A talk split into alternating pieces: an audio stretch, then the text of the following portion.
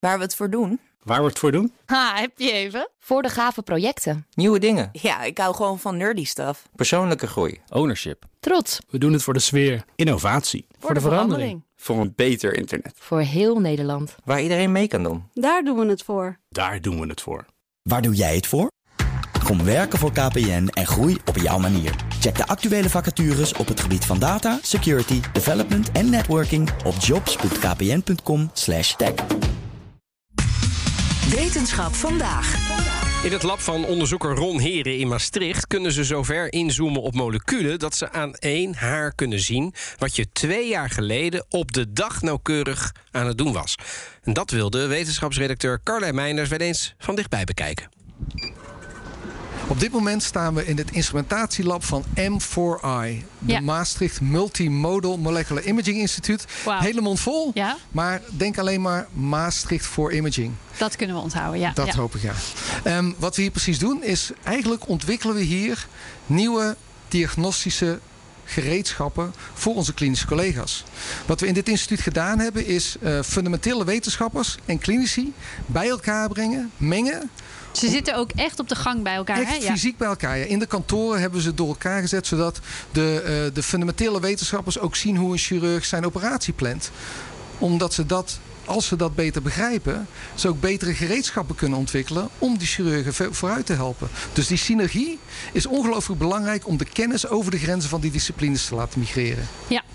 En dan worden er nieuwe dingen ontwikkeld. En er staan hier een aan. Dit is bijna science fiction voor mij al, wat er hier in elkaar is gezet allemaal. Waar kijken we naar? Nou, waar je nu naar kijkt is eigenlijk het plekje in Nederland waar we op de kleinste schaal chemie kunnen bestuderen. Ja. En, en wat we doen is met deze hele gecompliceerde apparatuur eh, analyseren we op de vierkante nanometer de chemische samenstelling van een heel complex oppervlak. En dat doen we honderdduizenden keren per puntje, waardoor uiteindelijk een kaart ontstaat, een landkaart van de verdeling van die moleculen over dat oppervlak. En dan vraag je natuurlijk je volgende vraag: wat voor oppervlakten zijn de oppervlakken? wat? zijn? Nee, ja. dat zou ik nooit vragen. Zijn ja, dat nou? Wat bekijk je dan precies? Ja. Nou, we- gebruiken dat om naar, naar moleculen in cellen te kijken. Ja. En moleculen in cellen vertellen ons iets over de metabole toestand van die cel. Mhm. En het is geweldig dat we dat op een enkele cel kunnen. Maar wat bijzonder is aan wat we hier doen, is dat we die cellen in de context van een stukje weefsel, wat bijvoorbeeld uit de patiënt is uitgenomen. En Dat kan Ja. een biopt zijn of een eh, stukje tumor wat weg is gesneden. En door die moleculaire kaart te maken, of een moleculaire foto misschien nog beter, van al die moleculen die in dat weefsel eh, zitten, kunnen we iets zeggen over hoe cellen met elkaar praten. Veranderen cellen qua vorm voordat ze bijvoorbeeld carcinogeen worden? Of Carcinogeen voor de mensen kanker, die het niet eh, voordat het kankercellen worden. Ja. We hebben normale cellen en eh, daar kan een verandering in eh, veroorzaakt door, door UV-stralingen, een huidcel. die Gebeurt ook melanoom gewoon hè, gedurende de dag. Ja. Precies. En op het moment dat dat gebeurt, ja, ehm, wat verandert er dan in die cellen die aan UV zijn blootgesteld? Nou, dan nemen we een huidbiopt, snijden we een heel dun plakje van. En de patholoog kijkt daarna met zijn microscoop en ziet dan of er wat aan de vorm veranderd is. En wij kijken met onze moleculaire microscopen ernaar, kijken waar zitten welke moleculen.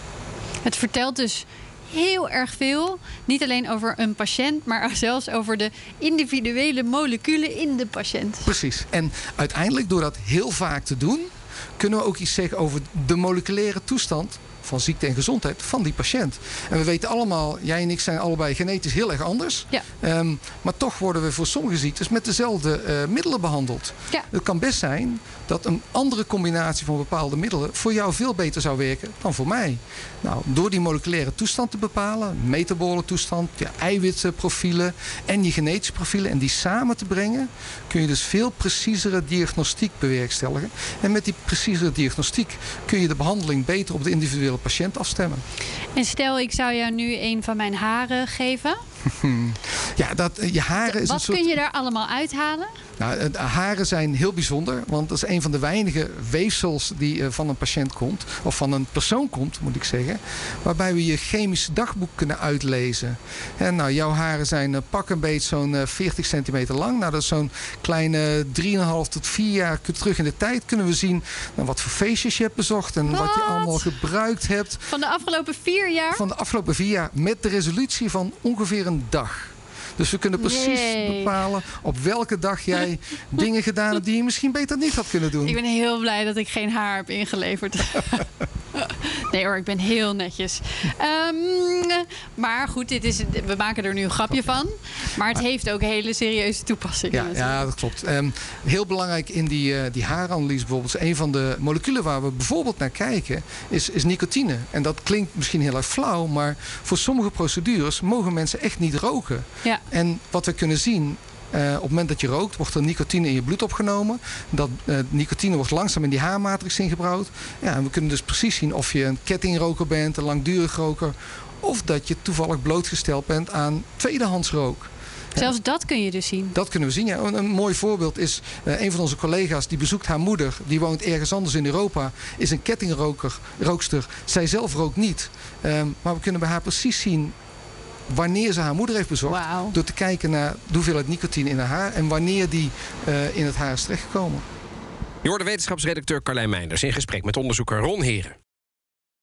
Ook Bas van Werven vind je in de BNR-app. Ja, je kunt live naar mij en Iwan luisteren tijdens de ochtendspits. Je krijgt een melding van Breaking News. En niet alleen onze podcast Ochtendnieuws, maar alle BNR-podcasts vind je in de app. Download nu de gratis BNR-app en blijf scherp.